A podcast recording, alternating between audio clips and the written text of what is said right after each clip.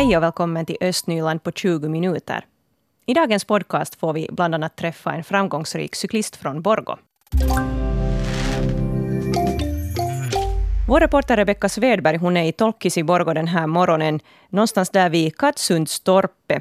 Hon ska lite prata om hur Tolkis har förändrats under årens lopp och också uppmärksamma det att eh, Tolkis Gille fyller 25 år. Becky, har du riktigt varmt där i solskenet?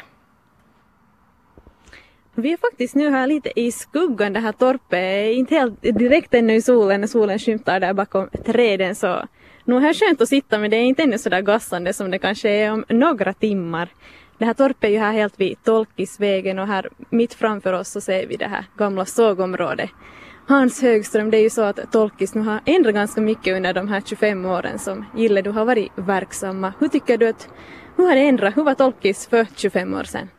No, Tolkis var ju en, en fabriksort med, med, med verksam, fabriken, verksam, såg, sågverksamhet och sånt och, och det där och, och ganska, vila ganska i, i stillhet men nu, nu har det skett en stor ändring. Fabriken, sågen har lagts ner och eh, alla, alla byggnader, byggnader har kommit till, alltså hus till som, som folk bor i och, och verksamheten eh, har varit nere en, en, en, tid men nu, nu, nu är det, ser man ljus på framtiden. Det finns nu i Tolkis Augustin Ranta, så kallade företagsparken, finns det nu 15 företag som verkar på området och där finns ungefär 150 arbetsplatser. Exempelvis har Borgå Energi flyttat hela sitt huvudkontor ner till Tolkis. Ja, vad tycker du att är den här största skillnaden? Hur, hur ser man de här skillnaderna just jämfört med 25 år sedan? No, skillnaden ser man på det att det här är mycket inflyttade personer som har kommit hit och, och de kom hit i, i, i tanken att komma till en, en sovstad och bo men, men tyvärr så har den här, den här orten varit en fabriksort från, från för hundra år tillbaka sedan och, och, och, är fortfarande en fabriksort så man måste, man måste nog tänka sig på också att den här industrin ska finnas och inte bara att det ska vara en sovstad. Ja, och det var ju så att den här, det här Tolkisgille grundades då för 25 år sedan för att bevara den här byns historia. Hur aktiva är ni nu idag och hur, hur gör ni riktigt för att bevara historien? No, vi, vi skriver förstås böcker om, om den, här, den här historien i Tolkis och så, så är vi aktiva. Vi, vi sammankommer två, tre gånger i år på det här torpet och så har vi då en styrelse som jobbar mycket aktivt och nu ska vi då i, i den här veckan på lördagen fira ett 25-årsjubileum på Dansholmen i Tolkis. Det är en gemensam kaffekonsert och jubileumsfest som vi då firar. Och nu har vi då gett ut en, en, en historik över den 25-åriga verksamheten och den ska vi då också sälja på vårt jubileumsfest. Ja, ett, ett sätt att bevara är ju att skriva sådana här, här små böcker. Det, är ju, det här är inte den första som ni har gjort. Nej, vi har, vi har ju den, den, de som började med den här Tolkis på redan början på 90-talet, äh, slutet på 90-talet, så det där, och början på 2000-talet så skrev ju tre böcker som Tolkis i ord och bild på finska, svenska och finska. Det finns ettan och tvåan tre, och trean och de, de böckerna innehåller ju hela den historien från, från därifrån, den, från 2000-talet bakåt i tiden. Den här, den här Tolkis-Gilles 25-årshistorik den, den berättar om vad som har hänt e, efter det. Ja, och ett annat sätt är ju att ni här på, på det här torpet så har ni byggt ett, ett litet hus som du kallar Gubb, Gubbenheim. vad är det för något? No, det är ju ett, ett, ett hus som vi byggde för att vi hade samlat ju museie, museiföremål i det här torpet. Gamla museiföremål och fick så mycket, mycket föremål vi måste utvidga utrymmena för att få dem till rymmas och därför byggde vi ett, ett, ett hus på den här torpbacken här och det, det kallar vi för Gubbenheim för det var då några äldre gubbar som byggde det här. Istället för Guggenheim så har vi kallat det för Gubbenheim. Ja, det är ju kanske flera gubbar som är med i det här gillet men att hur aktiva är, har ni några yngre medlemmar också? Tyvärr så har vi då inte så många yngre medlemmar och det är, vår, det är nu vår strävan och vår, vår, vår framtid att få ungdomar med för att vi, vi äldre vi går ju bortan efter och det, det minskar medlemsantalet och medelåldern stiger. Ja, no, men Tolkisille fyller 25 år. Vi gratulerar er och tackar dig Hans Högström. Tack, det, det är bra. Jo, ni, kan, ni alla hjärtligt välkomna till Tolkkisilles kombinerade kaffekonsert och jubileumsfest på Dansholmen i lördag klockan 14. Vi har ett digert program och kommer att, att, då tänka tillbaka på tiden och, och se på framtiden.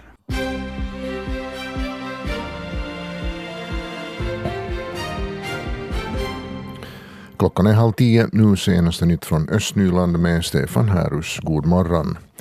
Vid Borgovatten uppger man idag att det kan gå ända in i nästa vecka innan vattnet i Kärkko i Borgo är drickbart igen. Det är alltså fortfarande förbjudet att använda vatten från vattenledningsnätet i Kärkko.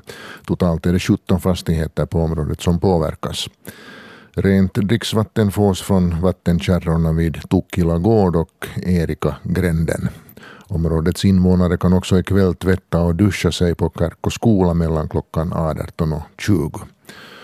Orsaken till att bakterier kunnat ta sig in i vattenledningsnätet är att Borgå Vatten installerat en tryckavloppsanslutning på fel sätt. Hittills har tre personer meddelat om magsymptom. Ännu hinner man anmäla sig till den internationella acceleratorn för hållbara levnadsvanor i Borgo. Staden söker ännu efter hushåll och företag till projektet som ska testa olika sätt att minska det egna koldioxid och materialavtrycket i vardagen. Acceleratorn för hållbara levnadsvanor är en del av ett internationellt projekt där hushåll deltar från sju länder, förutom från Finland. Vid Borgostad säger man att projektet tjänar som ett ypperligt underlag i syfte att skapa en hållbar vardag i Borgo. Sista anmälningsdag är den 11 augusti. I söndags grep polisen en ung bilist på motorvägen utanför Borgo. Personen körde 168 kilometer i timmen då hastighetsbegränsningen är 120 kilometer i timmen. Föraren hade fått sitt körkort bara en vecka tidigare. Polisen berättar om fallet på Twitter. Enligt Finlands miljöcentral förekommer det för tillfället rätt så lite alger i de östnyländska sjöarna och vid den östnyländska kusten. Dock är mängderna på uppåtgående i både hav och sjöar, meddelar Finlands miljöcentral. På Vårtskär utanför Lovisa finns det små mängder alger medan det i Lovisaviken förekommer en rikligare algblomning. Då det gäller de östnyländska sjöarna och träsken är det bara i Kotojärvi i Borgnäs som det förekommer alger. Där är algmängden riklig. Och nu ska vi få träffa Borgå Akilles cyklist Jesper Lindahl. Han är färsk FM-guldmedaljör. På veckoslutet vann han sin klass U23 i terrängcykling. Och Lindahl han har målmedvetet tränat terrängcykling i ett par års tid och före det så har han hållit på med cykelorientering som han nu har en paus ifrån. Rebecka Svedberg, du har klättrat upp någonstans vid Kokombacken tror jag den här morgonen. Det har vi gjort. Det är ju kanske inte så vanligt att man klättrar upp med, med cykeln utan man brukar väl få ta hiss om man vill ta sig upp. Så vi har nog inte tagit oss så jättelångt men nu var det svettigt redan att ta sig hit vart vi står nu. Jesper Lindahl, du vann på veckoslutet. Du blev finsk mästare. Hur känns det här? Grattis! Tack! Det känns nog. Nu känns det ju alltid bra med mästerskap och vinst dessutom. Ja. Hur var det? Hade du någon taktik? Hur gick själva loppet? Uh, no, jag hade taktik att köra eget lopp men att jag började hårt och så fick jag, fick jag lite, lite mellanrum mellan mig och de som var bakom och så visste jag att nu kan jag köra eget lopp och så körde jag sista fyra varven ganska sådär så att det inte skulle hända något extra. Ganska lugnt men ändå ju hårt. Så det var alltså en, en klar seger då? Jo, men nu körde de hårt bakom och att inte kunde jag bli och vänta heller. Hur var det, var det här någonting som du trodde på? Trodde du på vinst eller kom det som en överraskning att du blev finsk mästare? Nu hade jag lite tänkt att, att vinst kan vara, kan vara att man kan få men, men att inte det är ju alltid självklart heller. Det är inte alltid heller på konditionen som det gäller utan det kan nog vara psyken som har problem eller något men att nu fungerar allt bra. Ja, det var ju tur det och nu var det då sista året som du tävlar i den här, nu var det ju U23-klassen, nästa år så blir det då blir eh, den här riktiga herrklassen, är det så? Ja, i nästa år sen så hamnar man på till elitklassen. Det är ju så att du har nu inte så jättelänge satsat på, på just det här. Du har tidigare hållit på med cykelorientering. Hur, hur mycket tid satsar du nu egentligen på den här med, med cykling? Nu det här tränar jag helt ordentligt nu här cykling. Att några år har jag nu bara i princip cyklat och det här. Nu blir det några hundra timmar i året. Närmare, närmare tusen. Ja, du cyklar både terrängcykling och så är det också landsvägscykling. Vad, vad är det du satsar mest på? För tillfället är det nog landsväg. Att jag håller på med terräng för att det är roligt. Det är roligt att cykla i terräng och det har någon börjat med att man har cyklat i terräng med kompisarna så det är roligt att alltid få lite testa i terrängen men att landsväg för tillfället är nog etta. Ja, vad har du, nu, vad har du för mål med, med cyklingen? Framtida mål är att klara sig i finska tävlingar och kanske någon gång vinna FM-guld på landsväg så det skulle vara roligt. Ja, men vi ska nu ta en låt och så ska vi fortsätta prata med, med Jesper Lindahl. Jo, vi står här med Jesper och diskuterar cyklar. Just nu så har han då med sig sin ena terrängcykel men han har nog en hel del andra cyklar också där i, i garaget. Hur mycket cyklar behöver man när man cyklar så mycket som du gör? Nu, nu behöver man ganska många. Att nu, nu klarar man sig med, med färre men det är ju alltid roligt att ha flera. Mm.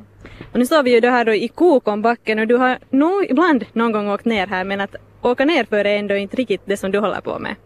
Nej, nedförsåkning så det, det är ändå lite annan gren än det jag håller på med men nu är det, det är nog roligt det också. No, vad, vad är det som är det bra att träna? No, I Borgo finns det bra vägar att de är för det mesta i helt OK skick och sen terrängen är nog helt, helt bra här och att Kokon är helt, helt rolig och sen, sen dit i Tolkis är också fina, fina terränger. Att där, där brukar man ofta vara. Mm. Och du som sagt tävlar ju en hel del. Vad är nu då nästa, nästa tävling? Nästa stora tävling är i Sverige i början på augusti. En UCI-tävling som vi får med landslaget. Och sen idag så är det en sån här veckotävling på Kråke, Bianchi Cup, som som vi ska fara lite och tävla i. den, den brukar ofta vara ganska hård och jag har hört att det ska komma ganska många hårda med idag och så. Det kommer bli roligt. Okej, men det är mera lekfullt och inte så mycket. Det är liksom, det är inte, där är inte huvudsaken att vinna. Ja, nu får man ju alltid till en tävling och vinna men att, men att lite, lite kan man ha roligt om men det kommer vara en bra sån där tävling och det är alltid roligt att tävla och sen om det just kommer många andra bra så får man ofta en fin tävling. Ja, no, men hur Jesper Lindahl, hur ser din resten av sommaren ut? Resten av sommaren så det här kommer nu några tävlingar och sen på hösten så tillbaka till Jyväskylä och studera. Men att träna och jobba lite här så. Ja, du, du studerar till gymnastiklärare och förutom cykling så håller du alltså på också med lite orientering och du skidar och det är inte bara cykling. Ja, nu måste man lite något annat göra men på sommaren blir det nog mest cykling men att ja, skidning på vintern. Mm. Och nu ska vi då också få se när du tar dig ner härifrån den här Kokombacken. Ska vi se hur det går. Tack så mycket Jesper Lindahl. Tack.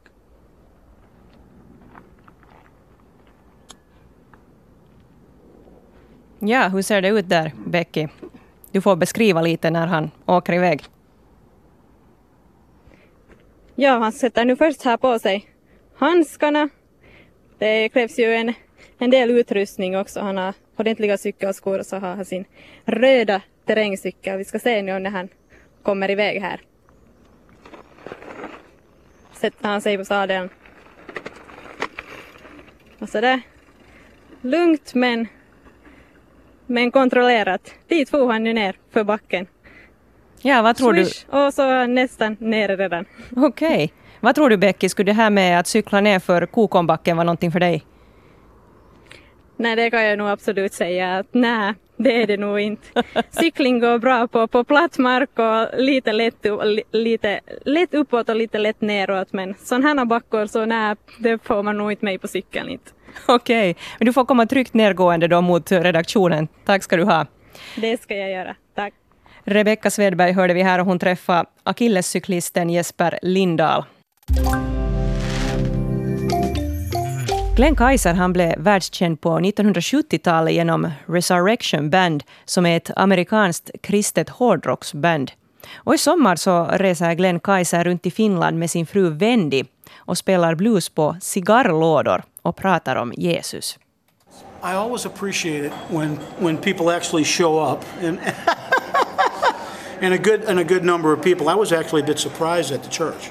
Jag uppskattar när folk verkligen kommer och jag var faktiskt överraskad av hur många som kom till kyrkan, säger Glenn Kaiser. Paret Kaiser är alltså mitt uppe i en Finlandsturné. De har avverkat Tirmo Blues i Borgå i fredags och en blueskonsert i Pärnå kyrka. But I was a bit surprised at how many people came out and were, they really listened, which I'm not, that's not unusual for Finnish people. You can tell when people are receiving what you're singing and playing and, and, and saying. Folk lyssnade verkligen och var fokuserade på musiken, vilket inte är ovanligt för en finsk publik. Du ser när publiken tar till sig det du säger, sjunger och spelar. Och upplevelsen var densamma på bluesfestivalen i Tirmo. Glenn Kaiser har inte alltid uppträtt solo. 1972 grundade han Resurrection Band med Wendy Kaiser, som senare blev hans fru. Resurrection Band var en av pionjärerna inom kristen hårdrock och uppskattades världen över. Och de är fortfarande ett av de mest välkända banden inom kristen hårdrock från Chicago, Illinois. De var aktiva till år 2000, varefter paret Kaiser fortsatte musikkarriären i Glenn Kaiser Band. Deras andliga hem finns i kollektivet Jesus People USA som arbetar bland de fattiga och utslagna i Chicago med omnejd. Kaiser uppträder med hemlagade stränginstrument, så kallade cigarbox guitars, som är gjorda av gamla cigarrlådor. Och de är en viktig del av en gammal bluestradition. I Tirmo och Pärno kyrka hade Kaiser en tresträngad lådgitarr och en diddley-bow med två halsar. Ena halsen försedd med en bassträng och den andra med en gitarrsträng. I, I brought a cigar box guitar with me as well as a double neck diddley bow, bass string on one neck and a guitar on the other, string on the other. And of course I started playing. Often my eyes are closed because I sweat very easily. So I'm playing and you know whatever, and I, I realize I've got four or five people down there with their phones taking pictures and video. So I, you know. Jag spelar ofta med slutna ögon för jag svettas rätt mycket. Men när jag kisade med ögonen stod fyra, fem personer väldigt nära och tog fotografier och filmade med sina mobiltelefoner, säger Glenn Kaiser. Publiken var så trevlig och jag hade många fina diskussioner efteråt. I Tirmo ville två män prata om sin osäkerhet och att man måste vara perfekt. De ville också prata om svårigheter med kommunikation i förhållanden och det här med att visa känslor. But the real uh, conversation, for example, the Blues Fest, there were two guys, and you know the beauty of drinking too much is you start to open up, even if you're, even if you're a Finnish male, and uh, so the one guy was talking about, you know, not being able to open up and communicate well, which I, I learned that the first tour we ever did in Finland. Um, so I had that kind of a conversation with both of those guys. The one guy told me his life story, you know, just opened up and started sharing. Och det sa Glenn Kaiser som fick höra en lokal livshistoria i Tirmo i Borgo. Paret Kaiser fortsätter sin turné den här veckan med en föreläsning i Pieksämäki om kopplingen mellan instrument som förekommer i Gamla testamentet och i bluesen. Glenn Kaiser han besöker också Vasa länsfängelse innan paret reser hem till Chicago. Och det var Leo Gammal som var reporter här. Jag har sällskap här i studion nu av Pontus Nyqvist, vår morgonreporter. God morgon. God morgon. Det var ett uppdrag i Sibbo igår för Räddningsverket, där vid halv tio-tiden på kvällen. Något djur som behövde lite assistans. Vad handlade det om den här gången? Ja, det var en ganska så här lite kul grej. Det var, eller ja, hur man nu ser på saken, men det var alltså en svan som hade uh, fastnat i en fiskelina och det är ju såklart inte kul, men uh, den här svanen då så de uh, räddade den, tog den härifrån och sen förde de den till Borgo räddningsverk, var den har övernattat då. Uh, orsaken till, till det här var att den här tiden då på kvällen så fanns det inte några veterinärstationer öppna mera. Ja. Så de var då tvungna att föra den uh, till Räddningsverket, så nu är den då här i Borgo. Och härifrån ska den vidare ännu till Högholmen. Och jag antar att den där då ska fixas till, eller alltså att den ska få komma i skick då, innan den då förhoppningsvis då släpps ut igen. Mm. Nå, var i Sibbo var det man hittade den? Det var dit i skärgården på Simsalö. Östnyland på 20 minuter är en svenska YLE-podcast och det finns flera poddar på arenan. Jag heter Katarina Lind. Tack så mycket för sällskapet. Vi hörs!